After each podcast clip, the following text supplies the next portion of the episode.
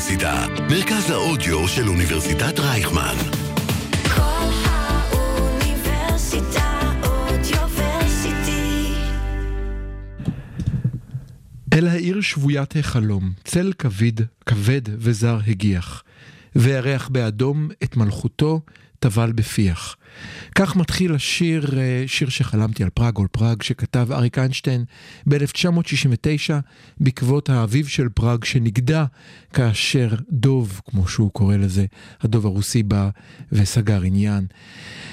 עברו לא מעט שנים ונדמה שאולי ההיסטוריה חוזרת על עצמה או שלא, והיום בחמוצים אנחנו חוזרים אל מעין מיני עונה, שבה ננסה לזכור את העולם החדש והלא כל כך מופלא, או שם העולם הישן, מה קורה באירופה, מה ההשלכות של זה לעולם, מה ההשלכות של זה אלינו כאן בישראל.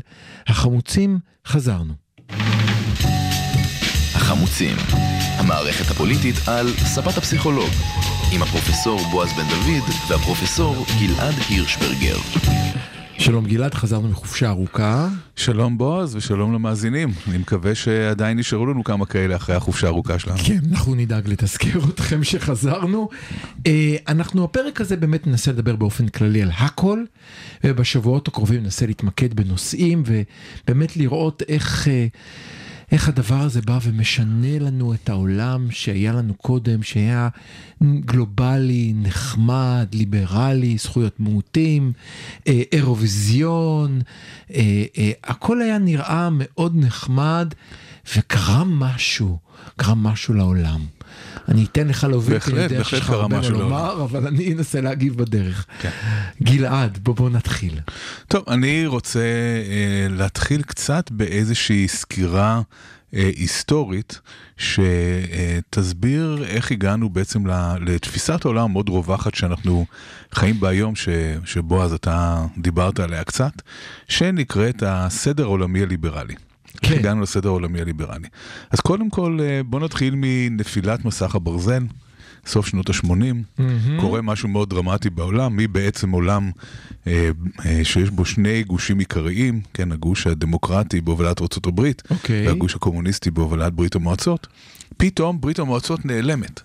ויש יש עולם שמובל על ידי ארצות הברית והליברליזם האמריקאי. יותר מזה שהיא נעלמת ברשותך, ברית המועצות גם איבדה את האידיאולוגיה שלה ואימצה, לפחות לכאורה, לפרק זמן, את האידיאולוגיה הקפיטליסטית האמריקאית עם נכון, נכון, מקדונלדס. נכון, לגמרי. ודמוקרטיה ובחירות. לגמרי. לא, אפשר להגיד יותר מזה, אפשר להגיד שהקומוניזם נפל בגלל התשוקה והרצון לליווייס ולמקדונלדס. כן. כן. הרבה יותר מאשר כל דבר אחר. כן. אוקיי, אז, אז, אה, אז אה, אנחנו בעצם בנקודה הזאת שמסך הברזל קורס, מהמם. וכל מיני מדעני מדינה ואנשים כותבים איך ייראה הסדר העולמי החדש. לא יכולת להתאפק מפוקיאמה, אה? נכון, אז אה, פרנסיס פוקיאמה המפורסם כותב מאמר שהופך אחר כך לספר שנקרא The End of History, קץ ההיסטוריה. עכשיו המושג עצמו, קץ ההיסטוריה, הוא מושג ששווה לתת עליו את הדעת, כי הוא מושג ממש משיחי. שהמשמעות שלו, ש... והוא והוא כותב את זה בצורה ברורה, אחד הדברים המדהימים במאמר הזה, כן. הוא כותב בצורה ברורה, הגענו לנקודה בהיסטוריה שבה אין יותר התנגשות בין אידיאולוגיות שונות. Okay. יש אוקיי. אידיאולוגיה אחת, האידיאולוגיה המערבית, הליברלית, היא האידיאולוגיה המנצחת. וואו, עכשיו- תראה, אה, קודם, קודם כל אני חייב כאן במאמר מוסגר, הוא התראיין לאחרונה גם בישראל, והוא אמר לא הבנתם אותי נכון, לא קראתם אותי נכון, לא התכוונתי לזה, אבל אתה, אני רואה, לא קונה לא, הוא. כתב את זה בצורה הכי ברורה שיכולה להיות. אוקיי. לא צריך פירוש רש"י בשביל להבין את מה שהוא כתב. אה, זה נכון שהוא קצת אה, אה, מתקפל בשנים האחרונות, כי המציאות... אה, טופחת מק- על פניו. היא טופחת, אבל כאן כן, כן צריך להגיד משהו חשוב. אמנם אנחנו רואים הרבה דברים שלא מתאימים לתזה הזאת, כן, אבל אם מסתכלים על הנתונים המספריים, אוקיי, יש תימוכין לתזה שלו. אוקיי. זאת אומרת, אם מסתכלים על מספר המדינות הדמוקרטיות ב-1990, ועל, שאז התפרסמו המאמרים האלה, ועל, אה, שאז התפרסם המאמר הזה, ועל מספר המדינות הדמוקרטיות היום, כן. יש עלייה עצומה במספר המדינות שניתן להגדיר אותן כדמוקרטיות. אם אנחנו מסתכלים על כמות בני האדם החופשיים שחיים בעולם היום, לעומת כמות בני האדם החופשיים שחיו בעולם שלפני 30 שנה, יש שינוי אדיר. זאת אומרת, זה, זה כן נכון בסופו של דבר שיותר ויותר מדינות הפכו להיות ליברליות כן, אבל- ודמוקרטיות. אבל אולי, אולי, אולי נסביר את הביקורת המרכזית, אה, תקן אותי אם אני טועה, לפחות איך שאני רואה אותה. הבעיה היא שהאמירה הייתה, אוקיי, אנחנו הגענו עכשיו לסטטוס קוו שימשיך לנצח, כי מצאנו את הפתרון האידיאלי בין כל הלחצים והדחפים, באמת סוג של משיחיות. של יש הגיע כאן, המשיח יש כאן, אה, ונגמר קודם העניין. כל, אה, מה שעומד בבסיס התיאוריות הליברליות, זה איזושהי תפיסה של טבע האדם. כן, התיאוריות הליברליות מאמינות, או, או תופסות את האדם באופן חיובי, הן אומרות באופן, ב, בצורה אה, לפעמים ברורה, לפעמים משתמעת, שאם נותנים לאנשים את הדברים הבסיסיים שבני אדם צריכים, אוקיי. אם נותנים להם פרנסה, אם נותנים להם מחסה, כן. אם נותנים להם חופש, אם נותנים להם את הזכויות שלהם, אז, אז uh, הם יחיו בשקט, הם לא ירצו להילחם, הם לא ירצו לעשות uh, את כל הדברים הרעים שראינו במהלך ההיסטוריה. אתה מזכיר לי את חמשת המ"מים. זה, זה לא רחוק, קודם כל אה, ז'בוטינסקי בהחלט היה ליברל, כן? ו, ו, וזה נכון. ההנחה הבסיסית היא שאם בני אדם מקבלים את חמשת המ"מים האלה לצורך העניין, אז, אה, אז הם מבסוטים, אז הם לא צריכים שום דבר. כן, הם, אין שום סיבה שהם ירצו להילחם ואין שום סיבה שנראה קונפליקטים בעולם. ובאמת הסדר העולמי הליברלי דחף כל הזמן לזה, שבואו ניתן לאנשים את מה שהם צריכים, בואו נצמצם את האפשרות לחיכוך, ואז העולם יהיה עולם טוב יותר. אני, אני, אני ברשותך אגן קצת על ליברליות, אני חושב שאתה מתאר את זה קצת בצורה של אם אני רוצה לשלוט באנשים, אני צריך לתת להם לחם ושעשועים, ואז הם יהיו בשקט. לא, לא, לא, לא אמרתי את זה. זה לא הרעיון לא. של ליברלי, בדיוק. הרעיון הליברלי יותר מזה, וכאן צריך להבין כמה דברים יש לגבי... אפשרות ה- להגשמה עצמית דרך זה, בין, הרעיון מזה, אם הליברלי. מסתכלים כרגע לא רק על פסיכולוגיה, אלא אה, בצורה רחבה יותר, כן, אז אפשר לראות שאחד, ה... חלק מהמרכיבים החשובים של סדר העולם הליברלי, זה למשל מוסדות בינלאומיים כמו האו"ם. ש, שבעצם יתווכו בין מדינות. נכון. שימנעו מלחמות, שיהיו איזשהו מקום שבו אפשר אה, להסדיר כל מיני סכסוכים בין עמים. כמו קרן המטבע העולמית, שתוכל לדאוג למצוקות שונות שעולות בכל מקום ו, ושצריך לטפל בהן אה, מבחינה כלכלית, כן? Mm-hmm. יש כל מיני מוסדות בינלאומיים, אה, אה, בית המשפט הבינלאומי. כן, שיש לו אה, סמכויות, יש גם חקיקה וגם סמכויות חוקיות לפעול נגד מדינות שפועלות בצורה שהיא נוגדת את החוק, החוק הבינלאומי עצמו. כן, זאת אומרת, כל הדברים האלה הם חלק מסדר העולם הליברלי, ש... אה, אה, כן, שמה שעומד בבסיסו זאת האמונה שאם הדברים האלה מתקיימים, אז העולם יהיה עולם בטוח יותר. אני לא יכול שלא לחייך כי קראתי לאחרונה אה, במוסף הארץ הייתה כתבה שלמה על פילוסוף החצר של פוטין, כן, קראת? ראיתי את זה, כן. וקראתי אותה שוב הבוקר בהכנה למפגשנו, ועל כל מה שאתה מדבר זה הדברים שהוא מבקר בדיוק. בוודאי. זאת אומרת, כל מה שאמרת עכשיו ותיארת כחיובי, אני רק אגיד בקצרה, הוא אומר, בסך הכל יש כאן הגמוניה, אם תרצה. נכון. יש כאן קבוצה קטנה שאומרת, אלה הערכים שלי, אני אתעלם מהבדלים תרבותיים, אני אגיד, כולכם צריכים לחיות לפי הערכים האלה, אני אבחר בית משפט שיקבע אם התנהגת או לא התנהגת לפי ערכים שאני קובע שהם נכונים, ואני אה, אזכה בכוח. גדול יותר ויותר לקבוצה קטנה שאני נמנה בה, בכך שאשליט על כולכם את מה שצריך, אני אתן לכם אוכל ולחם ושעשועים תרצה. לא, זה לא. לחם ושעשועים, זה באמת, זה. באמת, נכון.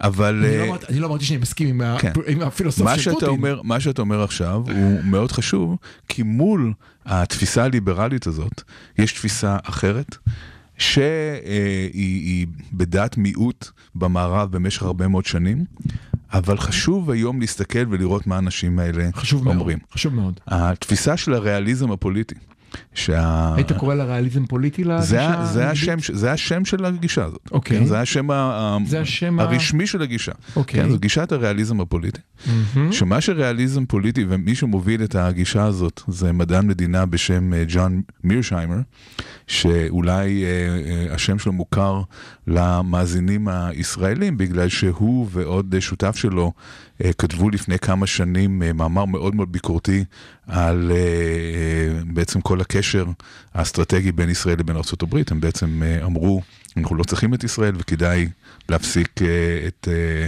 את המעמד המיוחד הזה שיש לישראל הברית, אבל זה, זה במאמר מוסגר. אוקיי. מה ש- מיר מה ש- אמרת את שמו? מיר שיימר, כן. מה אוקיי. שמיר שיימר בעצם אומר, והוא אומר את זה במשך עשרות שנים. מהמם. הוא אומר, העולם הוא עולם של יחסי כוח. העולם הוא עולם של אינטרסים. בעולם של יחסי כוח ואינטרסים, כשקבוצה אחת רואה הזדמנות לצבור עוד כוח, היא תיקח את ההזדמנות הזאת. כשקבוצה רואה הזדמנות לממש אינטרס שלה, היא תממש את האינטרס שלה. כל הנושא הזה של זכויות אדם ושל מוסר ושל רגשות ושל מה אנשים חושבים ושל כל, כל זה, הוא מאוד שולי וחסר חשיבות מבחינת הדרך שבה העולם מתנהל. ואני אתן עכשיו, אני רוצה לתת דוגמה שהיא בדיוק דוגמה של אוקראינה, אוקיי? ב-1993 התחיל תהליך שהסתיים ב-94 של אה, פירוק אוקראינה מהנשק הגרעין, הגרעיני שלה. כן. אוקראינה, אחרי שברית המועצות התפרקה, הייתה המדינה עם המאגר השלישי או הרביעי בגודלו בעולם של נשק גרעיני. חשוב כן. להדגיש, כולנו פתאום נהיינו מומחים כי מדברים על זה כל היום בחדשות, אבל חשוב להדגיש לפי הבנתי, זה לא שזה היה של אוקראינה, אלא אוקראינה לא כחלק משנה. מברית המועצות, לא. שם זה היה. כן. זה נכון שהקודי הפעלה היו בברית המועצות, כן. היו ברוסיה, ברוסיה לא בברית המועצות, הם היו כן. ברוסיה, אבל היה לה stockpile מאוד גדול של נשק גרעיני. stockpile- stockpile שאוחסן שם לא בגלל השלטון המרכזי האוקראיני, אלא בגלל השלטון המרכזי של ברית המועצות לשעבר. כן. אוקיי. ואז אה, אה, בעצם התחיל אה, תהליך שקלינטון מאוד דחף אותו, של פירוק אוקראינה מהנשק הגרעיני שלה, ונחתמה בעצם, נחתם איזשהו מזכר, נחתם אה, איזשהו אה, מסמך, שבו כתוב בצורה מאוד מפורשת שאוקראינה מעבירה את הנשק שלה לרוסיה שתפרק אותו. ובתמורה היא מקבלת הבטחה שרוסיה מקבלת את הריבונות האוקראינית ולא תפלוש לשטחה. כן. שרוסיה לא תתקיף את אוקראינה. כן. שרוסיה לא תפגע באוקראינה עם נשק גרעיני. המון המון סעיפים של איך רוסיה אף פעם לא תפגע באוקראינה בשום צורה שהיא. היה דבר אחד חסר במסמך הזה, היה משהו אחד חסר. אה, זה, זה, היה, זה בא עם ההבטחות כמו ההבטחות של דרעי ל, לממשלת החילופין. עכשיו, אוקיי, עכשיו, לא, היה חסר שם מי ערבות. כתב, מי כתב ב-1993 שזו טעות? ג'ון מירשיימר. Mm. הוא כותב, הוא כותב בצורה ברורה, הוא כותב, התפיסה הזאת, לפיה אם מפרקים את אוקראינה מנשק גרעיני, זה דבר טוב, הוא אומר, זה הפוך ממה שצריך לעשות. מה שצריך לעשות זה לחזק את היכולת הגרעינית של אוקראינה.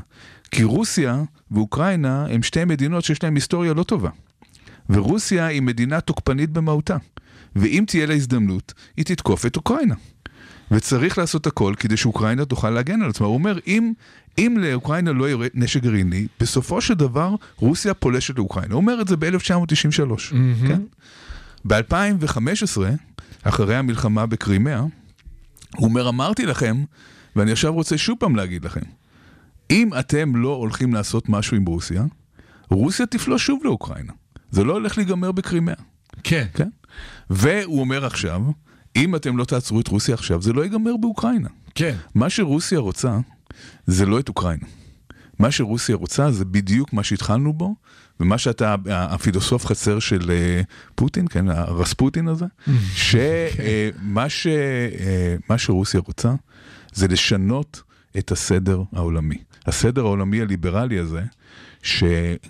כן, הרבה מאוד אנשים תופסים אותו כמשהו שטוב לכל האנושות, הוא לא טוב לכל האנושות. יש קבוצות בעולם שלא מתאים להם הסדר הזה בכלל. ורוסיה היא אחת מהם, סין אגב היא עוד מדינה לא קטנה במיוחד, כן. שהסיפור הזה לא מתאים לה בכלל. לא מתאים קצת, לה. קצת, לא, קצת סיפור אחר בסין, לא ניכנס, בוא, בוא לא, נשאיר רגע את סין חשוב בצד. להבין, חשוב להבין, זה גם לא כאן, לגמרי אותו דבר בסין. ברור שזה לא אותו דבר, אבל סין לא, לא מקובל עליה הסדר העולמי החדש הזה, היא לא. לא רוצה דמוקרטיזציה בסין, והיא לא רוצה ערכים ליברליים בסין, זה ממש לא משהו שסין רוצה. מירשיימר גם- מזהיר, גם סין לא רוצה לגבי- ש... שיתנו, שיתערבו, שיכילו כללים חיצוניים שבה יתערבו באיך שהם נכון, מתנהגים נכון. למשל המיעוט האויגורי שלהם. לגמרי, לגמרי. אנחנו עושים בבית מה שאנחנו רוצים, תפסיקו להתערב. זו דוגמה מצוינת של איך שסין מתנהגת לפי הכללים של הריאליזם הפוליטי, וכן, לא אכפת לה בכלל מהערכים הליברליים האלה שמנסים אה, לדחוף. כן, זה משהו שפשוט לא יעבוד. ומירשיימר אגב היה אה, חילופי אה, דברים מאוד מעניינים בז'ורנל אה, מאוד ידוע שנקרא Foreign Affairs, בין מירשיימר לבין תיאורטיקנים אה, ליברליים יותר, לגבי סין, מה צריך לעשות עם סין. ומה שמירשיימר אומר, הוא אומר, תקשיבו, העימות עם סין זה בכלל לא שאלה של האם, זה רק שאלה של מתי, רק שאלה של מתי. העימות הוא בלתי נמנע. סין הולכת לכיוון של עימות, רואים את זה בכל דבר שהיא עושה, אבל כולם מכסים את העיניים, וחושבים שאיכשהו זה לא יקרה. אבל זה הולך לקרות. אז אחרי שאתה נדמה כאן כתומך מלא של מירשהיימר, לגמרי לא. אני חשוב, אני- חשוב לי אני- לציין את זה. אני יודע, חשוב לי לציין את זה. אני יודע, אבל... מה הבעיה, אני- מה הבעיה עם התיאוריות האלה? לפני שאני אתן לך את הבעיה, אני, אני חייב רק להוסיף עוד נדבך אחד למה שתיארת. אה, אני חושב ש... אחרי ששוב ניסיתי קצת גם קצת לקרוא על אותה מתוך לנסות להבין אולי אותו, אותו פילוסוף מסביר את, ה, את ההיגיון שעומד מאחורי המתקפה של פוטין. נאמר שם אפילו משהו יותר בוטה ממה שאמרת. נאמר שאותם ערכים אני לא רק שאני מתנגד להם אני חושב שהם פייק שהם כסות לכך שאתה רוצה לשלוט וגם אני רוצה לשלוט ולכן הערכים דחוף אותם במקום שבו השמש אינה זורחת. בדיוק התפיסה לא של אמיתיים. התיאוריות הריאליסטיות, שאומרות הכל עניין של מאבקי כוח בסופו של דבר. כל עניין של מאבקי כוח בין מדינות, בין המעצמות. אפשר, אה, אה, כמו שהפילוסוף הזה אמר, אפשר אה, אה, להסתיר את זה בכל מיני, בשפה מאוד יפה של נכון. ערכים וכולי, אבל בסופו של דבר השורה התחתונה, שזה יחסי כוח. מדובר כאן ביחסי כוח. עכשיו, למה בכל זאת התיאוריות הריאליסטיות הן בעייתיות? כי הן מאוד פסימיות. הן לא נותנות שום תקווה להזדמנות. הן הופכות להיות נבואה שמגשימה את עצמה. אם אתה בדיוק, מתכונן בדיוק. למלחמה, אתה יכול לגרום להסלמה ובאמת להגיע למלחמה. מהמם. אז מה עושים? השורה התחתונה, אני לא יודע אם יש לנו זמן להיכנס לזה כרגע, אבל השורה התחתונה היא שצריך את שניהם. אנחנו חייבים להפסיק לדגול באידיאולוגיה אחת ולחשוב שהיא לבד יכולה לתת מענה לכל הבעיות, ולהבין שריבוי אידיאולוגיות הוא טוב לקבוצה. אנחנו צריכים גם אנשים שיתפסו את האיומים האלה, אבל גם אנשים, גם ליברלים שיתפסו הזדמנויות, זה מאוד חשוב, אנחנו אחרת נהיה בבונקר כל הזמן. אנחנו רוצים את אותם אלה שישלחו מקדונלדס לרוסיה בשביל לשנות את רוסיה ואת אלה שיבנו את הצבא להתגונן מפניה. אתה רומז? איך הלכה התיאוריה של המקדונלדס, אה? אמ, תשמע, היה מלחמת ישראל לבנון, אני לא יודע אם אתה זוכר, זה היה פעם, גם בלבנון. יש, יש כן. מקדונלדס בלבנון? אה, אוקיי. היה. אז היא נשברה מזמן, אתה אומר. כן, אנחנו נצא לשיר כמובן, שיר שחלמתי על פראג, אריק איינשטיין, שומע פודקאסט, אין את זה. וכשנחזור אני רוצה שנתחיל לחשוב על למה הקרב באוקראינה, המלחמה באוקראינה, כל כך משפיעה על כל העולם המערבי, למה היא הפכה מעוד מלחמה איומה ונוראה לסמל כל כך משמעותי שיש לו השפעה על כל העולם המערבי. החמוצים כבר חוזרים. כל האוניברסיטה מרכז האודיו של אוניברסיטת רייכמן. בדיוק האזנו לשיר ולא יכולתי להתעלם מהשורה הזאת של אריק איינשטיין, כמו תצלום ישן מצהיב, עיר של רפאים מוטלת לרגלי דובים חרשים, רמז כמובן לרוסיה, ובצווארה המאכלת. בדיוק ביקרנו כאן בהפסקה, אה, כמה חסר לנו היום, שהזמר הכי מצליח בישראל היום, הוא הזמרת. שבו בערב, יכתבו שיר כל כך חזק על המצב, לא שיר עם ישראל חי, ננצח את הרעים, אלא שיר של הזדהות עם משהו עולמי שקורה, שיהיה מוצלח וטוב ושיחזיק. הדבר השני שתופס אותי בשורה הזאת, שב-69, 69, לא ב-2022, כותב אריק איינשטיין שהתמונה הזאת של עיר מופצצת ומופגזת היא כמו תצלום ישן מצהיב. זה נראה לו כל כך לא מתאים ל-69 ומתאים לשנות ה-30. מה זה השטות הזאתי? אנחנו ב-2022. זה כבר לא תצלום ישן מצהיב, אני כבר לא יודע איך נתאר, זה גלויה מ... זה האיש הנוסע בזמן.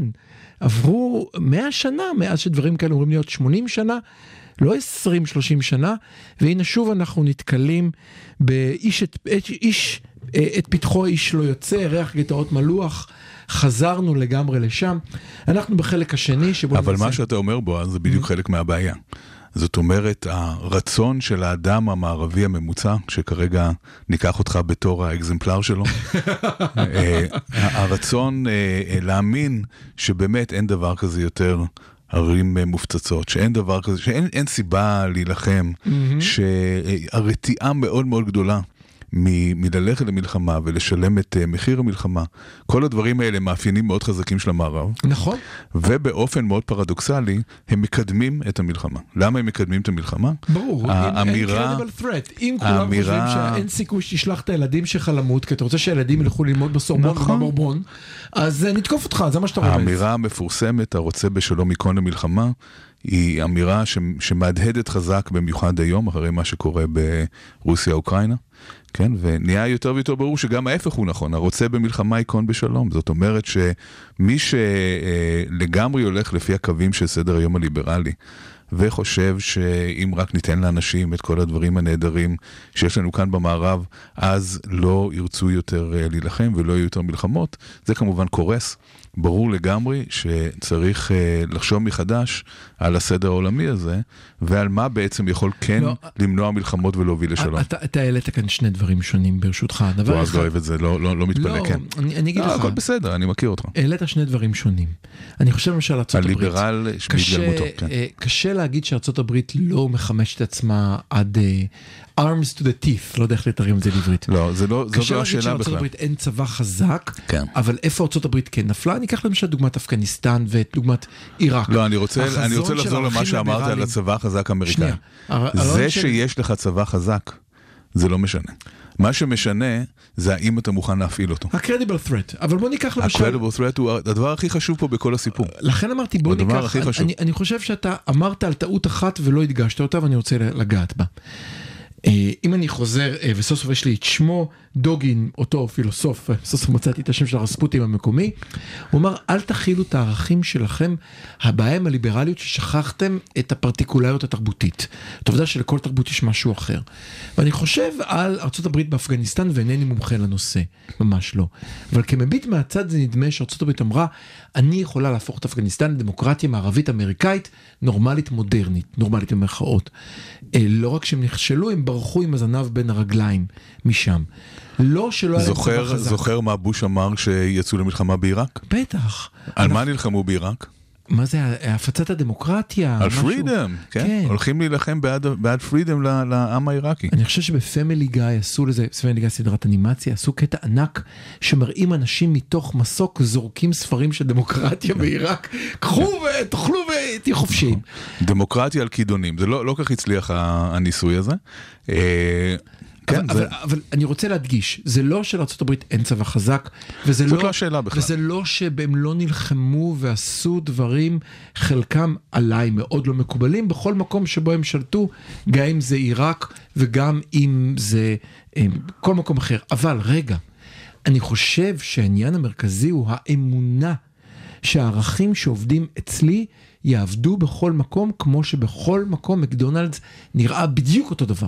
אני חושב שזאת הנקודה המשמעותית בעיניי. אני לא בטוח. אוקיי. אני, אני חושב, אני מבין, זה שוב, אתה יודע, זו גישה. מאוד ליברלית, הגישה שאתה, של, של אה, מישהו כאן צריך להיות רגישות, הליברל של. רגישות בין תרבותית אני לא וכל חושב זה. שזה רגישות בין תרבותית, אני חושב ההפך, אני חושב שיש כאן דווקא ביקורת על ליברליזם. כי אנחנו מאמינים, ואני בתוך זה, שאם רק תיתן לאנשים את האפשרות לבחור, זה דמוקרטיה, אבל דמוקרטיה לא יכולה לעבוד בכל מקום אינסטנט מהיום להיום. כן, זה בהחלט נכון, אבל יש כאן עוד כמה דברים. דיברת על כמה שהצבא האמריקאי חזק, אני רוצה להזכיר איך ביידן הגיב בהתחלה, עוד לפני הפלישה הרוסית, כן, לאפשרות אוי, הזאת. אוי. מה הוא עשה? לא הוא תהיה שלח... מלחמת עולם שלישית, המשפט לא, לא, המפורסם. בוא, בוא נראה, זה לא רק זה. הוא שלח 3,000 חיילים, כן? אמריקאים איפשהו ל- ל- לאזור, כן? כן. לפולין או משהו. כן. והכריז שהחיילים האלה לעולם לא יתעמתו עם חיילים רוסים. כן. זאת אומרת, אתה גם שולח חיילים, אתה גם אומר, תקשיבו, הם לא הולכים לעשות שום דבר, הם סתם הולכים אה, להיות שם. לאכול קרמבו. כן. ומה שזה, ב- מה כן, זה משדר? הכסף של הקרמבו קשה בשיניים. אז- מה זה משדר? זה משדר, אהלן וסהלן, בוא תיכנס לאוקראינה כמה שאתה רוצה, בגלל שאנחנו בעצם לא הולכים להגיב. ה- עכשיו, עד עכשיו הצגתי קצת את הגישה הריאליסטית, אבל אני רוצה להסביר גם מה החסרונות שלה. אחד החסרונות שלה זה, כמו שאמרנו, תפיסה מאוד פסימית של האדם ונבואה שמגשימה את עצמה וכולי. היא וגם בעצם לא האסטרטגיה... מאפשרת לשום צמיחה לקרות, אם אתה אומר היא לא תמיד. מאפשרת להזדמנויות להתממש, להזדמנויות חיוביות להתממש. זאת הבעיה, היא, היא מכניסה אותנו לספירלה של אירועים שליליים, אה, פחות או יותר, כשמוד הפעולה העיקרי הוא מוד פעולה, הם מדברים המון על deterrence, על הרתעה. כן? אוקיי. זאת אומרת, מה אתה בעצם יכול לעשות מול כל האיומים האלה ש... ש... שבעצם אה, מתהווים בכל מיני מקומות, אתה יכול לייצר הרתעה. נבוט עכשיו בהרצאה, גדול. אתה- הר- יש שני סוגי הרתעה, הם מדברים על שני סוגי הרתעה וחשוב להבין על אה, מה הם שני הסוגים האלה. יש הרתעה מניעתית ויש הרתע- הרתעה ענישתית. מה זה הרתעה מניעתית? הרתעה מניעתית זה אם רוסיה רוצה לפלוש לאוקראינה ואתה לא שולח 3,000 חיילים לפולין. אתה שולח 200 אלף חיילים לתוך אוקראינה, אני לא יודע אם אפשר היה לעשות את זה, אני סתם נותן את זה בתור דוגמה, כן. ואתה אומר לפוטין, תקשיב, אם אתה נכנס, אתה פוגש אותם. יכול להיות, אני לא בטוח, אבל יכול להיות שזה היה יוצר איזושהי הססנות בצד הרוסי. זה יכול לקרות אבל רק לפני, זה לא יכול להיות ככה מלחמה. מניעתי זה לפני. כן, כן, כן, כן. יש הרתעה נישתית שאומרת, אם תעשו, אז אנחנו נגיב. הבעיה של הרתעה, מניעתית, המחקר מראה בצורה מאוד ברורה שהרתעה מניעתית עובדת הרבה הרבה יותר טוב מהרתעה נישתית. הרתעה נישתית, אחת הבעיות שלה, וזה בכלל אחת הבעיות בהרתעה, הרתעה זה מושג נורא פסיכולוגי. הרתעה זה מושג שמשהו בעצם, הוא מטה-קוגניציה, זה, זה אומר שאני מבין את מה שאתה חושב ומה האינטרסים שלך וכולי. זה כן? הפסיכולוג הקוגניטיבי שבי קפץ ורציתי נ- להגיד לך שההרתעה מניחה שאני מבין שמה שאותי מניע גם מניע את האחר. בדיוק. ושאני והאחר רואים או את שאני המציאות. לפחות מבין את מה שמניע את האחר. ושאני והאחר רואים את המציאות באותה הטבה, או שלפחות אני מבין כיצד האחר נכון. רואה את המציאות, ויש לי נכון, נכון. כמות מחקר ענפה שמראה למשל, כמה אנחנו נכשלים בזה. לא רק, אפילו ברמה הכי נמוכה, ברמת האותו, אותו תמונה, אותו צליל, הבדלים תרבותיים גורמים להבדלים אדירים כן. בתפיסת המציאות, מהרמה. הכי נמוכה, ובמקרה שלך עד הרמה הכי גבוהה. כן. כל אחד אז בהרתעה. נישתית, כן, ששוב אחרי ההסבר המטה-קוגניטיבי, אז הר- הר- הרתעה נישתית הרבה פעמים נכשלת, כי הצד השני, קודם כל, אולי בכלל לא מאמין שתעניש אותו. כן. אתה אומר, אם תעשה ככה, אני אעשה ככה, אבל הוא אומר, הוא סתם קשקש, הוא לא באמת הולך לעשות את זה, ואנחנו אה, יכולים לראות איך זה בא לידי ביטוי באוקראינה בצורה מאוד ברורה. למשל, אחת ההנחות, והנחה שגויה לגמרי של המערב לגבי רוסיה, זה שחשבו שהכל מתנהל על פי איזשהו היגיון כלכלי.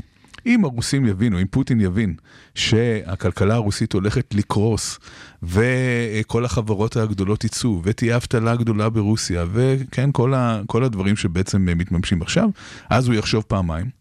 זה לא עובד. מסתבר שפוטין מוכן לשלם מחיר כלכלי בשביל להגשים את המאוויים שלו. בינתיים, כן, אני מסכים איתך. אנחנו כבר שלושה שבועות לתוך המלחמה כן, הזאת, זה כן. לא עובד.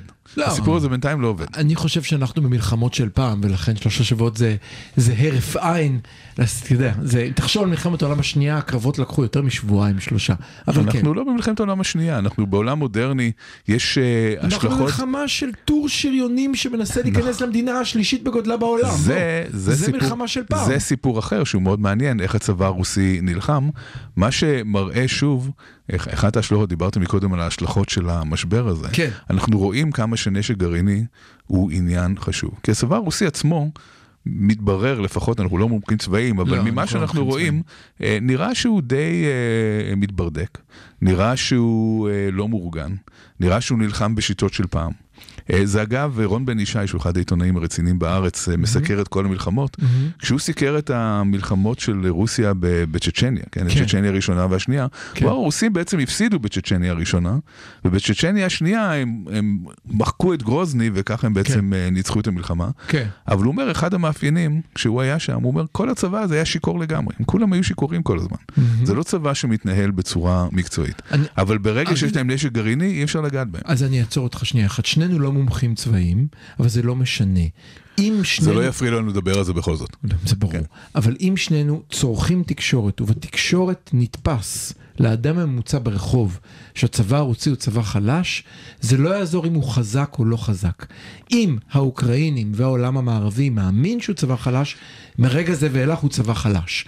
ועליו החובת חלה חובת ההוכחה אחרת. יש הרבה מאוד בעולם הזה, כי אנחנו כן פסיכולוגים, יש הרבה מאוד אתה, אתה אתה חושב מאוד, על אה, הצבא מאוד השני. פסיכולוג, זה באמת הסבר מאוד פסיכולוגי. הייתי אומר שיש לזה השפעה מסוימת מבחינת כן, התדמית הרוסית וההשפעה של רוסיה, אבל שוב, בגלל הנשק הגרעיני הרוסי, אי אפשר לעשות להם כלום, ואני אני אגיד אפילו יותר מזה. אחד החששות שלי עכשיו, אגב, אחד הדברים שאנחנו שומעים עליהם, זה שפוטין... אה, הכימי והביולוגי. כן, פוטין כל הזמן מדבר על זה ש... כן, זה כמובן אה, אה, פרופוגנדה שאמריקאים, או לא יודע מי, אה, כמו אה, הפרופגנדה של האמריקאים שרוסיה תיכנס לאוקראינה, כמו הפרופגנדה של האמריקאים, מאיפה הם יתקפו. עד עכשיו הפרופגנדה של האמריקאים הייתה להגיד מה הולך לקרות מחר, אם שמת לב. כן, אבל, זה לא קשור, הרוסים מדברים בעצם על הנשק הלא קונבנציונלי. כן. אולי, אולי, יש חשש, מתוך רצון להשתמש בזה בעצמם. כן. לתת להם בעצם כן. הצדקה להשתמש בזה כן. בעצמם. כן. וכאן שוב השאלה, מה המערב עושה? מחר בוא ניקח תסריט קיצוני מאוד, כן? מחר אה, אה, פוטין מפיל פצצת אטום, על לא יודע, על, על חרקוב או מריופול, או לא יודע, אחת הערים האוקראיניות. מה המערב עושה? איך המערב מגיב לזה? אני, אני רוצה רגע ללכת צעד אחור, צעד אחורנית. בוא נלך צעד אחורנית. תענה על. השאלה. אני אענה על השאלה, ואני הולך לצאת צעד אחורנית. הרבה לפני שאנחנו מדברים על הטיל האטומי, בוא נדבר חלילה וחס ומחר נשק בלתי קונבנציונלי יורה. זה יקרה לפני הפצצת אטום, אתה מסכים איתי. כן, לקחתי בכוונה תרחיש קיצוני בשביל להראות שאפילו בתרחיש הקיצוני הזה, המערב משותק. אני, אני לא בטוח, אבל אני, אני דווקא ממש לא בטוח. אני חושב נו, יאללה, אז מה עושים? אני חושב שאם יהיה- נשק אטומי, אני חושב אתה ביידן, מה אתה עושה? אני חושב שהתחיל מה? התחיל מלחמת עולם שלישי. זה נגמר. אבל... אני, אני חושב שאתה טועה, אני חושב שה... אבל, אבל רגע, אבל... לא. הרצון אה, אה, למנוע מצב של השמדה הדדית, של mutually assured destruction, הוא כל כך גבוה, שיבלעו את הצפרדע הזאת. אני, אני, אני, אני לא רוצה עכשיו להיכנס לזה, כי סתם נריב על משהו שאנחנו מקווים שלעולם לא יקרה. בוא נחזור רגע למצב הנוכחי. מקווים שלעולם לא יקרה, זה לא מדיניות כל כך טובה. צריך להסתכל על מה... אני, יכול להגיד לך מה לדעתי יקרה, נו, יאללה, קדימה. אמרתי לך, תתחיל מלחמת עולם שלישית, ביידן לא יישב בצד. אבל רגע, יש לי מבחן שלצערי אני חושש שיכול לקרות מחר בערב, והוא הנשק הביולוגי או הכימי. כן, יש לי אוקיי. שתי שאלות על הנושא הזה. אליך הפסיכולוג החברתי-פוליטי. כן. כן, זה ככה אנחנו מכנים אותך בתחילת כל כן. תוכנית. מה, אני כפסיכולוג קוגניטיבי, קשה לי עם המונח נשק לא קונבנציונלי. בעיניי זה contradiction within term, יש כאן סתירה. זאת אומרת, מותר לי להרוג אותך עם פצצה של טון, זה לגיטימי לגמרי. לפוצץ בית חולים, אבל לא אם זה נשק כימי, ואז זה לא לגיטימי. יש כאן אה, משהו, אה, לא הבנתי. אוקיי, אתה אומר זה בעצם אה, לא בסדר. אתה, אתה כרגע... לא, אני מנסה להבין למה זה קרה, אני לא, אני, אני באמת שואל, לא, זה עכשיו לא היה ציני. איך הגענו למצב כזה שבו מותר להרוג אחד את השני, אבל אסור להרוג אחד את השני אם זה בנשק מסוג X? יש כאן שאלה שהיא שאלה אמיתית. כן, הסיבה, שזה, הסיבה ההיסטורית שבה נעשתה הבחנה בין נשק קונבנציונלי ללא קונבנציונלי, למרות שנשק קונבנציונלי יכול להיות איום ונורא, מה זה? הוא יכול הוא למנוע, עיר. הוא למנוע מצב של אה, השמדה הדדית ושל השמדת העולם כולו. זאת אומרת, הארסנל של אה, נשק ביולוגי, כימי כן. ואטומי שקיים בעולם הוא כזה, עזוב אותו, עזוב אותו. שאם יתחילו, אני, אני אבל שמים אותם רוצה- ביחד. אני, לא, אני בכוונה רוצה לדבר, אני קח אגיד לך אפילו למה את אני שואל את זה. הביולוגי והכימי. אני, אני אגיד לך למה אני חושב את זה. אני כן. חושב שהפחד שלנו בביולוגיה הכימי הוא כמו אותו מחקר שאתה עשית על מנהרות. אני חושב שיש כאן פחד שהוא פחד... עשינו אותו ביחד. אני כן. אתן לך את הקרדיט. פחד הוא פחד קמאי. יש כאן משהו שהוא מדבר אלינו, שהוא... פצצה נופלת מלמעלה, שומעים את השריקה, בום, פיצוץ, תברח. נשק כימי אתה לא רואה, מגיח אליך, נשק ביולוגי מדביק את החיות. יש כאן משהו שנתפס לנו כמשהו זדוני, ליגה אחד מעבר, ואז שמנו קו. ועכשיו אני שואל את השאלה. זה לא רק זה. אוקיי. אני, עם כל הכבוד לא, לפסיכולוגיה, ואני, לזה. ואני פסיכולוג אה, אני, בעצמי, אני שואל שאלה, לא אמרתי אמירה. מימדי ההרג הם אחרים. זאת אומרת, באופן פוטנציאלי, אנחנו לא אה, ראינו מימוש של זה אה, באופן מלא אף פעם. סוריה. בסוריה, אבל עדיין, שימוש עדיין מבוקר יחסית של היכולות האלה. שימוש אה, לא מוגבל בנשק כימי וביולוגי יכול לגרום להשמדה אדירה. כן, מעל ומעבר לכל דבר שאנחנו מכירים. אוקיי, דרך אגב, רק אה, אה, כמו שאתה יודע, זה התחיל במלחמת העולם השנייה עם הציקלון, כן. וכן. ולא נגמר כל כך טוב עם הציקלון. כן, עם אותו אחד שקיבל על זה פרס נובל, וסיפור מרתק דרך אגב. אבל אני- חוזר רגע לענייננו. זוכר שאמרת, אנחנו מסכימים שנהרוג אחד את השני עד mutually assured destruction, ולכן כימי ביולוגי מחוברים אל האטומי. היא אמרה, בוא נחזור לשאלה שלצערי הרב יותר סבירה. כאשר מוטל נשק כימי או ביולוגי על איזה עיר, בשביל שפו- שפוטין אומר, תיכנעו כבר יא מניאקים, נמאס לי, ניסיתי, מה אתם רוצים ממני? עשיתי לכם כתר, הרס, סגר, די, תיכנעו כבר, שאני רוצה לקבל וי. עכשיו השאלה מה קורה. זו השאלה טוב, קודם כל אני. רוצה להגיד משהו לגבי התיאור הזה של אה, מה שקורה באוקראינה. אני קראתי לפני אה, כמה זמן אה, דוח של מכון ראנד, ש- אה, ש- שמצא או או מכון קבע... רנד הוא לא, יש לו קו פוליטי מסוים, כן, צריך כן. לומר את זה בצורה ברורה. בהחלט, בהחלט, כן, אבל... אפילו בשמו. כן, כן. אבל אמר משהו, מצאו שם משהו מאוד מעניין. הוא אחד המרכיבים הכי משמעותיים במלחמה, זה הנכונות של חיילים להילחם, האמונה שלהם במשתנה פסיכולוגי מאוד, כן? זאת אומרת, הם אמרו, מעבר ל- לאיכות הנשק ומעבר ל- לאסטרטגיה ולטקטיקה ולגנרלים ול... נכונות למות או נכונות להילחם? הנכונות להילחם, האמונה בצדקת המלחמה והנכונות להילחם הם משתנים מאוד מאוד חשובים בהצלחה צבאית, הם מנבאים הצלחה צבאית ממש. אוקיי, וכאן אנחנו- אנחנו יכולים לראות שבאוקראינה קרה דבר נורא מעניין. כן. כן, יש לנו צבא גדול, מסודר, הצבא הרוסי, שנלחם בעצם נגד התנגדות אזרחית בעיקר, אוקראינית, וההתנגדות הזאת מצליחה. כן. בגלל, בגלל אולי הפערי מוטיבציה המאוד גדולים האלה, כן, של הצבא הרוסי, שכנראה נלחם בעל כורחו, אנחנו שומעים הרבה מאוד דיווחים על זה שחיילים רוסים לא ממש מתלהבים להילחם את המלחמה הזאת, לעומת אוקראינים שנותנים את, את הכל, כן, ו, וכאן גם מגיע קרדיט לזלנסקי שמצליח אה, להרים את המורל ולעורר את ההתנגדות הזאת. אנחנו יוצאים לשיר, בחלק הבא אני אשאל אותך גלעד, אה, למה אנחנו כל כך מתרגשים מזה שהם נלחמים ולמה אם הם היו נכנעים בלי קרב תוך חמש דקות זה לא היה אישו ודווקא העובדה שממשיכים להילחם הופכת את זה היום לקרב המרכזי על הדמוקרטיה בעולם. אנחנו נעבור לשומעי הפודקאסט שתדעו עברנו לשיר אה, שחקי שחקי על החלומות זה אני החולם סח ששמי שכתב אותו מתברר הוא יליד אוקראינה. כל האוניברסיטה, מרכז האודיו של אוניברסיטת רייכמן. על ספת הפסיכולוג, עם הפרופסור בועז בן דוד והפרופסור גלעד הירשברגר. אז אני בחרתי בשיר שהוא התגובה לגלעד זה המנון הליברליזם שחקי כי באדם אמין עוד נפשי דרור שואפת לא מכרתי על עגל פז כי עוד האמין באדם גם ברוחו רוח עז. אז בוא נדבר על הרוח מרגש. עז. אותי זה מרגש אתה יכול להיות ציני זה זכותך באמת אני השיר הזה מדבר עליי אני חושב שרוח האדם רוח עז זה מה שאנחנו רואים באוקראינה ונשאלת השאלה אני עכשיו שואל אותך שאלה כמומחה. למה זה כל כך משפיע עלינו? יכול להיות סצנריו אחר. כן. בוא נתאר סצנריו אחר, זה סצנריו שלמיטב הבנתי, ואני לא מומחה לנושא, כנראה זה מה שחשבו ברוסיה שיקרה. נכון. הם נכנסים, תוך שלושה ימים קייב אומרת, ניצחתם, סליחה, אה, בדיוק תלינו את הכביסה, הנה החבר, הד- הדגל האדום, הדגל הלבן, סליחה, קחו הכל בסדר, גמרנו, שלום, קחו. לא.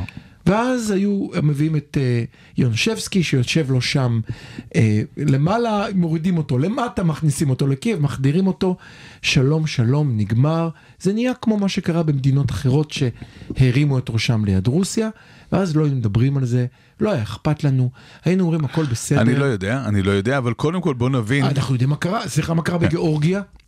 אה, קודם כל כן היה אכפת, אבל היה היה אכפת, אחרת. גם רוסיה לא כבשה את גיאורגיה, כן? קרה משהו אחר בגיאורגיה. אני, אני מסכים איתך, אבל, אבל תסכים איתי שאם זה נגמר בארבעה ימים, לא צריכים שריונים אחרת. לקייב. זה נגמר בארבעה ימים ודי. כן. אבל כשאנחנו בשבוע שלישי, עם, עם הרס אדיר ו- וכמות מתים וכמות פליטים, אנחנו רואים את הרוח אז קודם כל בוא נתחיל הנלחמת שוב, ואכפת לנו. כן, בוא נתחיל שוב מלהבין מנקודת מבט תיאורטית איך אפשר להסביר את העניין הזה, ושוב אנחנו מגיעים לתיאוריה הריאליסטית שיש לציין שיודעת לנבא די הרבה דברים במציאות למרות החסרונות שלה. אני מסנן פה אז- קללות, אבל תמשיך. אז אחד. ה... כן, אה, דרך אגב, התגובות לתיאוריה הזאת הם, הם בערך כמו של בועז מצד הרבה מאוד אנשים אחרים שהם מתעקשים להאמין שרק התיאוריה הליברלית יכולה להיות נכונה. לא, אני חלילה, לא, מותר- אני לא מותר אומר לי לא לרגע. לאהוב תיאוריה, גם אם אני תאהב. מסכים איתה. תיאוריה לא צריכה שיאהבו אותה, היא צריכה להיות הגיונית.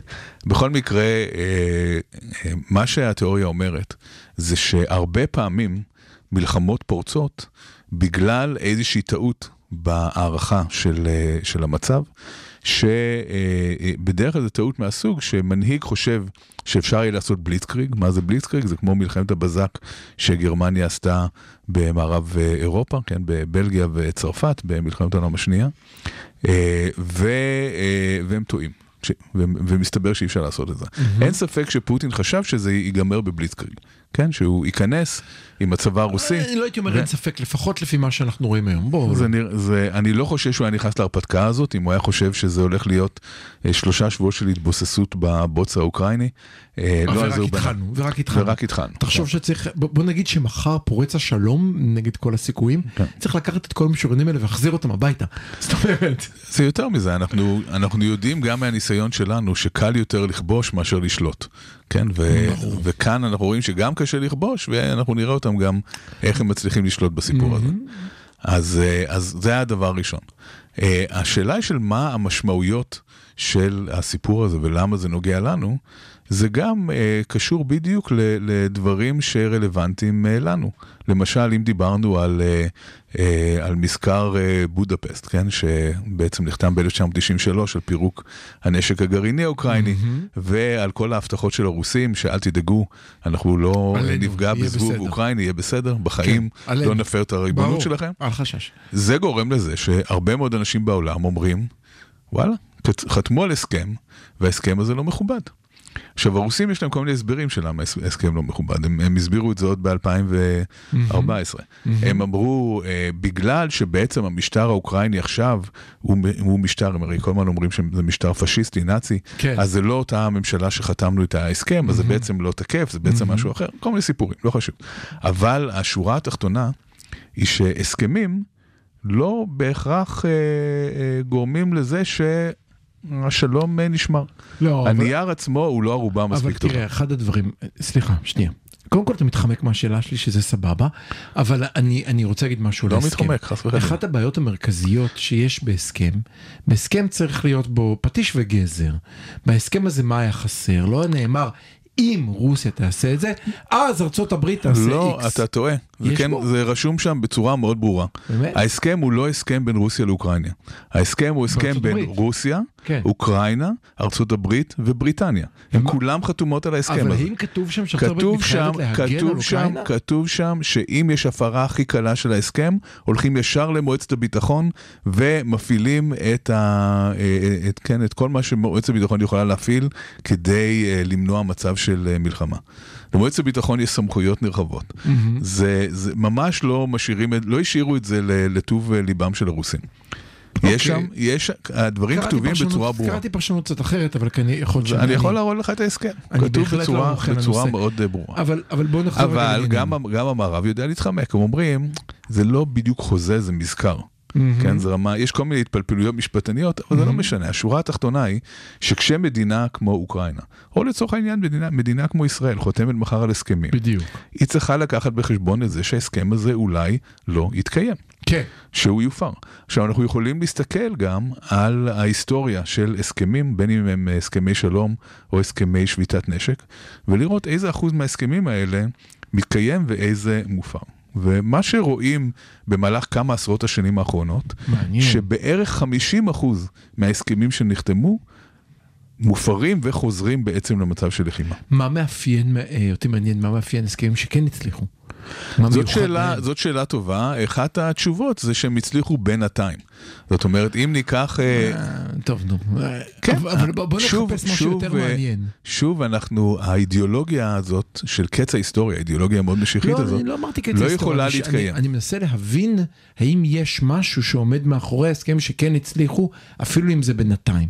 אפילו אם זה רק ל-40 שנה. אז כאן שוב, הרתעה מניעתית, אם ניקח את, ה, כן. את התיאוריה הריאליסטית, הרתעה מניעתית עובדת במידה רבה, והרתעה מניעתית יש, יש לה שני פנים גם כן, גם הרתעה מניעתית זה דבר אה, מורכב. הרתעה מניעתית זה מצד אחד, אה, בעצם ההבנה של כל קבוצה שהצד השני אה, חזק ומאיים ושאי אפשר לתקוף אותו. וגם הרתעה מניעתית יכולה להיות עקיפה דרך זה שהקבוצה שיש פוטנציאל שתתקוף, יכולה להשיג את מה שהיא רוצה, או משהו קרוב למה שהיא רוצה, באמצעים אחרים. זאת אומרת שאם, אה, בוא ניקח למשל סתם בתור דוגמה היא את איראן. יכולה להשיג את מה שהיא רוצה בלי לתקוף. היא יכולה להשיג מה שהיא רוצה בלי לתקוף ובלי לאיים אולי על הצד השני. אוקיי. אז אם סתם ניקח עכשיו משהו מאוד אה, אה, תרחישי ו...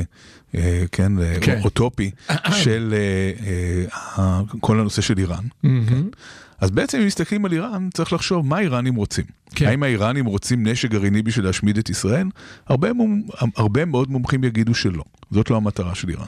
המטרה של איראן היא לשמר את הממשל, והמטרה של, של איראן היא שיהיה לה את ההשפעה האזורית שהיא חושבת שצריכה להיות לה. זאת אומרת, מלהיות מדינה שכרגע... אין לה אה, את הכוח שהיא הייתה רוצה, שיהיה לה הרבה יותר כוח והשפעה ודומיננטיות רגע, במזרח התיכון. בוא נשחק את המשחק שאיתו התחלנו את התוכנית. המטרה של איראן, לאור מה שאתה אומר, זה שאי אפשר יהיה לקחת את הקוד האידיאולוגי שאני רוצה להכיל במערב, ולהכיל אותו בכוח באיראן, את הכל של זכויות אדם, יותר מזה, שה, זה. שהאידיאולוגיה האיראנית תהיה. האידיאולוגיה הדומיננטית במזרח התיכון, התיכון לצורך העניין. כן. אז, אז אם, עכשיו סתם באופן היפותטי לגמרי, אם אפשר היה נניח לתת את זה לאיראן בלי נשק אה, גרעיני, זאת הייתה דרך אחת שהייתה יכולה לפעול. זה כמובן היפותטי לגמרי ואין כן. גם לא רצון וגם יכולת אה, לעשות כן. את הדבר הזה, אבל, אה, אבל זה רק דוגמה של איך אפשר לתת אולי למדינה משהו שהיא צריכה או משהו שהיא רוצה, בלי אה, שתהיה מאיימת ובלי להיכנס לעימות. אז אני רוצה אבל לחזור לשאלה שהתחלתי ואתה לא ענית עליה. למה אנחנו כל כך מתרגשים וכל כך אכפת לנו בגלל שאוקראינה נלחמת? שים לב, אני גם הסתכלתי על נאומי מנהיגים בעולם. הם כולם אמרו את אותו דבר. רוח ההקרבה האוקראינית, הלחימה האוקראינית. נכון. זאת אומרת שאם אוקראינה אתה אומרת קחו, זה היה מזיז לנו. אוקראינה נלחמת וכל העולם אני עצר לא. בטוח שאם אוקראינה הייתה נכבשת ללא התנגדות, זה לא היה מזיז לנו. אני, אני, זאת הנחה שאני לא בטוח שהיא אוקיי, נכונה, אוקיי. אבל אני מסכים איתך שרוח הלחימה האוקראינית עושה משהו בעולם. רוח הלחימה האוקראינית. גורמת, גורמת לזה שהעולם מסתכל היום על אוקראינה, מי היה מאמין, בתור זו שמייצגת את הרוח אה, של המערב החופשי, הליברלי. הם בעצם, אה, אה, זלנסקי הפך להיות המנהיג של העולם החופשי. זה נתפס כאילו האוקראינים מוכנים לסכן את חייהם, אני אגיד לך מה אני חושב, מוכנים לסכן את חייהם בשביל להגיע לערכים שאני האמריקאי והגרמני והאנגלי חושבים שהם חשובים. נכון. הם נלחמים בשביל זכות הדיבור, הם נלחמים בשביל זכות הבעת הדעה וגם בשביל לאכול במקדונלדס וללבוש ג'ינס. כן. כן, ויש לציין שגם זה שאוקראינה היא מדינה אירופית, וזה קורה באירופה, מייצר כן. הזדהות מאוד גדולה במדינות אה, אירופאיות. כן, זאת אומרת, אם אבל הדבר הזה היה גיאורגיה קורה... היא גם מדינה אירופאית. כן, אבל היא, נחשב, היא. היא, היא נחשבת קצת יותר... אה, אבל גיאורגיה גם לא היה כיבוש, בסופו של דבר. יש הבדל מאוד גדול בין תקיפה ובין כיבוש. זה לא אותו דבר. אם, אם באוקראינה היו... אה, אה, אם זה היה נגמר ביומיים לא היה כיבוש. אם זה אם נגמר היה- ביומיים לא היה כיבוש. אם זה היה נגמר בכמה ימים, אז זה לא היה כיבוש. זה, יומיים אין כיבוש, אבל אם זה היה נגמר מהר, והיה כיבוש, זה עדיין היה מפריע לעולם. אבל אתה צודק שההתנגדות האוקראינית היא מאוד מאוד משמעותית, ואגב, גם כאן, אה, העולם בעצם מסתכל על אוקראינה ואומר, יש כאן עם שנלחם נגד כיבוש, נלחם על העצמאות שלו, נלחם על הזכויות שלו, וזה מעורר השראה מאוד גדולה, ויש לזה גם השלכות עלינו, זאת אומרת, ההקבלה אופסי. בין אוקראינים לפלסטינים היא אה, קשה מאוד אה, שלא לראות אותה. ואנחנו גם, אנחנו גם שומעים את ההקבלה הזאת בכל מיני מקומות, כן? אנחנו כן. שומעים על זה שאומרים, כמו שהאוקראינים בעצם נלחמים על החופש שלהם, למה אנחנו לא אה, מסתכלים על הפלסטינים באותו האופן? אני, אני אני, אני לא אוהב, אני לא אוהב, אפילו אני השמאלני יפה נפש, חושב שיש בעיות עם ההקבלה הזאת. ברור אבל- שזה לא בדיוק אותו דבר, אבל אם אנחנו כעולם הערבי חושבים שעם שנלחם על החופש שלו זה דבר אה, ראוי ומבורך ומעורר השראה, אז זה קצת יוצר בעיה לישראל. אני, אני מסכים איתך, אבל אני חושב שהקרב, המאבק האוקראיני לא נתפס רק כעם שנלחם למען עצמאותו. לא, לא. אני חושב שהוא נתפס כעם ש- כ- שנלחם על הערכים המשותפים של העולם הערבי. על סדר היום הליברלי. זאת אומרת, לגמרי, לגמרי. המאבק של הפלסטינים הוא לא לפתוח אירוויזיון בפלסטין וזכויות מיעוטים וזכויות הומואים. כן. אבל, אבל אוקראינה היא מדינה שערכה אירוויזיון, לא יודע איך להסביר לך את זה אחרת. אני זה לא יודע כאילו- מה הקשר לאירוויזיון, אבל אתה כי צודק זה סט בזה. הערכים המערבי אירוויזיון. נכון, נכון, זה נכון, זה. אוקראינה, אוקראינה, אם, המל... זה אם נבין מיעוטים, את זה חופש המלחמה הזאת, הדיבור, זה אם נבין את המלחמה האלה. הזאת לא כמלחמה של רוסיה נגד אוקראינה שוב, אלא כמלחמה על סדר היום העולמי, אז אוקראינה מייצגת את סדר היום הליברלי. אתה צודק, היא מייצגת את סדר היום הליברלי, ולכן ההזדהות המאוד גדולה, רואים אותם בתור החזית של אה, מי שנלחם נגד הרצון לשנות את סדר היום. ועכשיו אני אסגור את הלופ עם השיר שאיתו התחלתי. אני חושב שקצת כמו פראג, וכמובן זה לא אותו דבר, וזה לא רוסיה קומוניסטית, ובכל זאת, יש כאן מדינה שהעזה לחלום. אוקראינה אמרה, אני רוצה לחלום, אני רוצה להיות מערב, אני רוצה חופש ביטוי, אני רוצה זכויות מיעוטים, אפילו אני רוצה חוק נגד אנטישמיות שחוקק שם לפני שנה או שנתיים. זאת אומרת, אני רוצה לחלום להיות כמוכם. תנו להיות כמוכם. וכמו שאני ואתה חולמים, כל, הם גם רצו לחלום להיות מודרניים, ובא פוטין ואמר, עד כאן, מה קרה? מה פתאום? לא בחצר האחורית שלי. נכון, כי אלה, עכשיו כאן, נחזור לג'ון מירשיימר, שגם כתב, הוא לא כתב את זה עכשיו, הוא כתב את זה עוד ב-2015. הוא אמר, מה שהמערב עושה במזרח אירופה, זה נורא מסוכן. הוא אמר, זה, שאנחנו, זה שנאט"ו נכנס לכל מיני מדינות שהיו חלק מברית ורשה, ולא רק חלק מברית ורשה, אלא חלק מברית המועצות, זה דבר מאוד מסוכן. הוא אמר, מה ארצות הברית הייתה עושה אם רוסיה הייתה חותמת על בריתות צבאיות עם קנדה ועם מקסיקו? האם היא לא הייתה מרגישה מאוימת? אני, אני נורא לא אוהב את ההקבלה הזאת, אני מודה. היה לנו על זה ויכוח משפחתי ארוך עם שומעים בני משפחתי. זה לא אותי. מצדיק לרגע את מה שפוטין זה, עשה. זה, זה, אישה מוכ- זה אבל חייבים-. זה מזכיר לי אישה מוכה. לא, לא, לא. למה? חייבים- סליחה, אבל את ידעת שהוא אלים, למה עשית לו דווקא? למה לבשת שמלה קצרה? ידעת שזה מעצבן אותו? למה הלכת אוי, ללמוד זה, באוניברסיטה? זה דמגוגיה בגרוש מה שאתה אומר עכשיו. אוקיי, תסביר אם לי למה. אנחנו, אם אנחנו מסתכלים שוב מנקודת המבט הריאליסטית, אוקיי. שאומרת מדינות פועלות לפי, הכל עניין של יחסי כוח, ומדינות פועלות לפי האינטרס שלהם, ואתה בעצם אה, בא ודוחף את האג'נדה המערבית כל כך קרוב לגבול דוחפים את הרוסי. האג'נדה המערבית לאשתי, אני רוצה לחיות בעולם שלי של פעם, אני רוצה שהיא תלבש צנוע, אני רוצה שתטפל בבית, אני רוצה שהיא לא תעבוד. אתה דוחף את הערכים אוקיי, הליברליים שלך לאשתי, אז יש לנו כאן את מרביץ לה. פוטין, יש לנו כאן את פוטין שהוא גבר מכה, כן? ואין שום, אין לי שום בעיה להגיד אה, שזה משהו, זה לא מצדיק לרגע את ההתנהגות הרוסית ואת הפלישה הרוסית לאוקראינה, אבל אם אתה רוצה למנוע מצבים כאלה, אם יש לך... את הגבר המכה הזה, אין מה לעשות, כן. הוא שם, הוא קיים, והוא אלים מאוד. והוא- איפה והוא- המשטרה? זאת הנקודה, אתה בעצם משלים את כן, המטאפורה ואתה, שלי. ואתה, ואתה יודע שההתנהגות הזאת היא התנהגות ש... that will provoke him, כן? שבעצם כן. יגרום לזה, אז, אז צריך לחשוב פעמיים לפני שעושים את זה. או שתשים, או שתהיה לך משטרה יעילה. או שאתה- שתהיה לך משטרה. או שתהיה נכון? משטרה, זאת אומרת- או שתהיה לך דרך להרתיע אותו. נכון? ברשותך, אני לא קורא נגד הליברליזציה של נשים, אבל אם אתה מוכר את הערכים שלך כמדינה, גלה אחריות כמדינה ושים משטרה להגן על נשים מוכות. כן. אם אתה רוצה להיות המשטרה של העולם ולמכור את הערכים, אז תן, אנחנו סיימנו, מצטער, נגמר לנו הזמן. אנחנו נחזור בשבוע הבא עם אולי מחשבות קצת יותר מסודרות. אנחנו חמוצים, חזרנו, והפעם מיני עונה, עולם חדש ולא כל כך מופלא.